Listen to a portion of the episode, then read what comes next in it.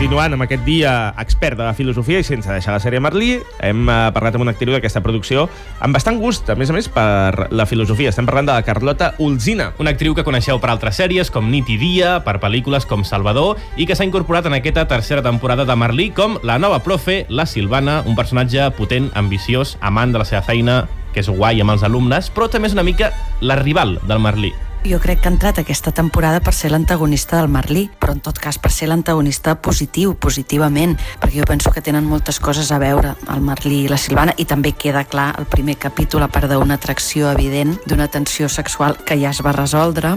A part d'això, jo penso que per part de la Silvana hi ha molta, molta admiració cap al Merlí, sobretot professionalment i com a professor. Jo penso que és molt interessant perquè són dos personatges que s'assemblen molt, eh, un, masculí, un masculí i un femení, però sí que és veritat que ella apareix per fer-li una mica de mirall i com que justament el Merlí està en un moment delicat de la seva vida, el confrontarà amb moltes coses. I penso que és interessant, perquè és com la vida mateixa, no? que ens emmirallem i de cop i volta doncs, apareixen conflictes i, i reflexions sobre un mateix, que també d'això es tracta la filosofia.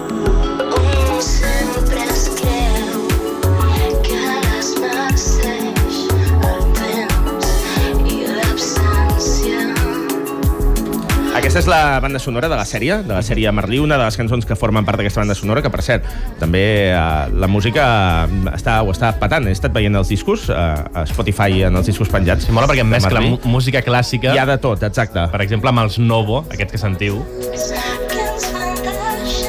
aquelles petites coses. Mm, Això es diu aquest tema de la banda sonora de Merlí, però, com diria un profe, entrem en matèria, que a mi em deien sempre a classe. Roger, va, centra't, entrem en matèria, en aquest cas amb la nova profe, que encarna la Carlota Alzina.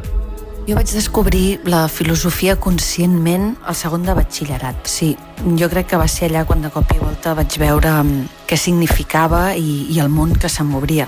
El que passa que sí que és veritat que com que jo sempre he sigut una mica mal estudiant, no vaig poder aprofitar-ho com, com m'hagués agradat, perquè si ara tornés a estudiar, que de fet m'agradaria, seria molt, molt, molt diferent. I, mm, i sempre em, em vaig quedar amb les ganes de d'estudiar filosofia, perquè em semblava... Bueno, m'atrapava, realment em, em va atrapar, em va interessar moltíssim i vaig començar a entendre una mica què volia dir, no? El fet de preguntar-se moltes coses i de preguntar-se per un mateix. És una cosa que, que sí, que m'interessa especialment. Tinc molts amics que han fet la carrera de filosofia i sempre dic que són persones amb les que m'agrada especialment parlar. I sempre que puc, doncs, a la meva manera, no sóc gens entesa, però intento llegir algun filòsof, per exemple, algun filòsof contemporani, com per exemple l'André Comte Esponville, molt fàcil de llegir, molt entenedor.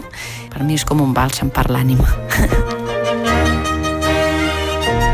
Doncs d'aquest filòsof francès, André Comte Esponville, la Carlota Olzina en recomana el llibre El amor, la soledat.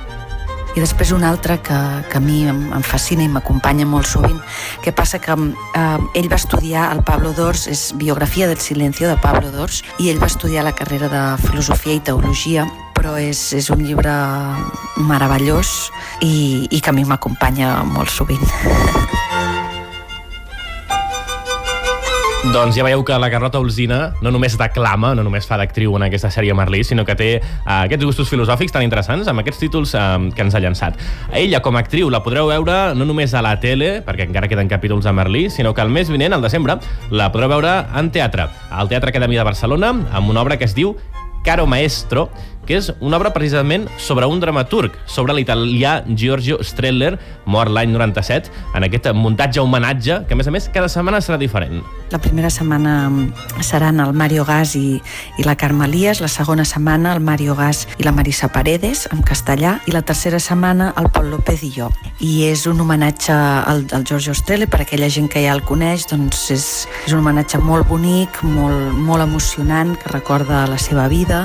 És, són un recull de cartes, d'escrits, de, i és molt documental. I per la gent que no el coneix és una preciosa manera de, de descobrir aquest personatge tan, tan potent en la història del teatre. És, és molt emocionant, és, és un bombonet.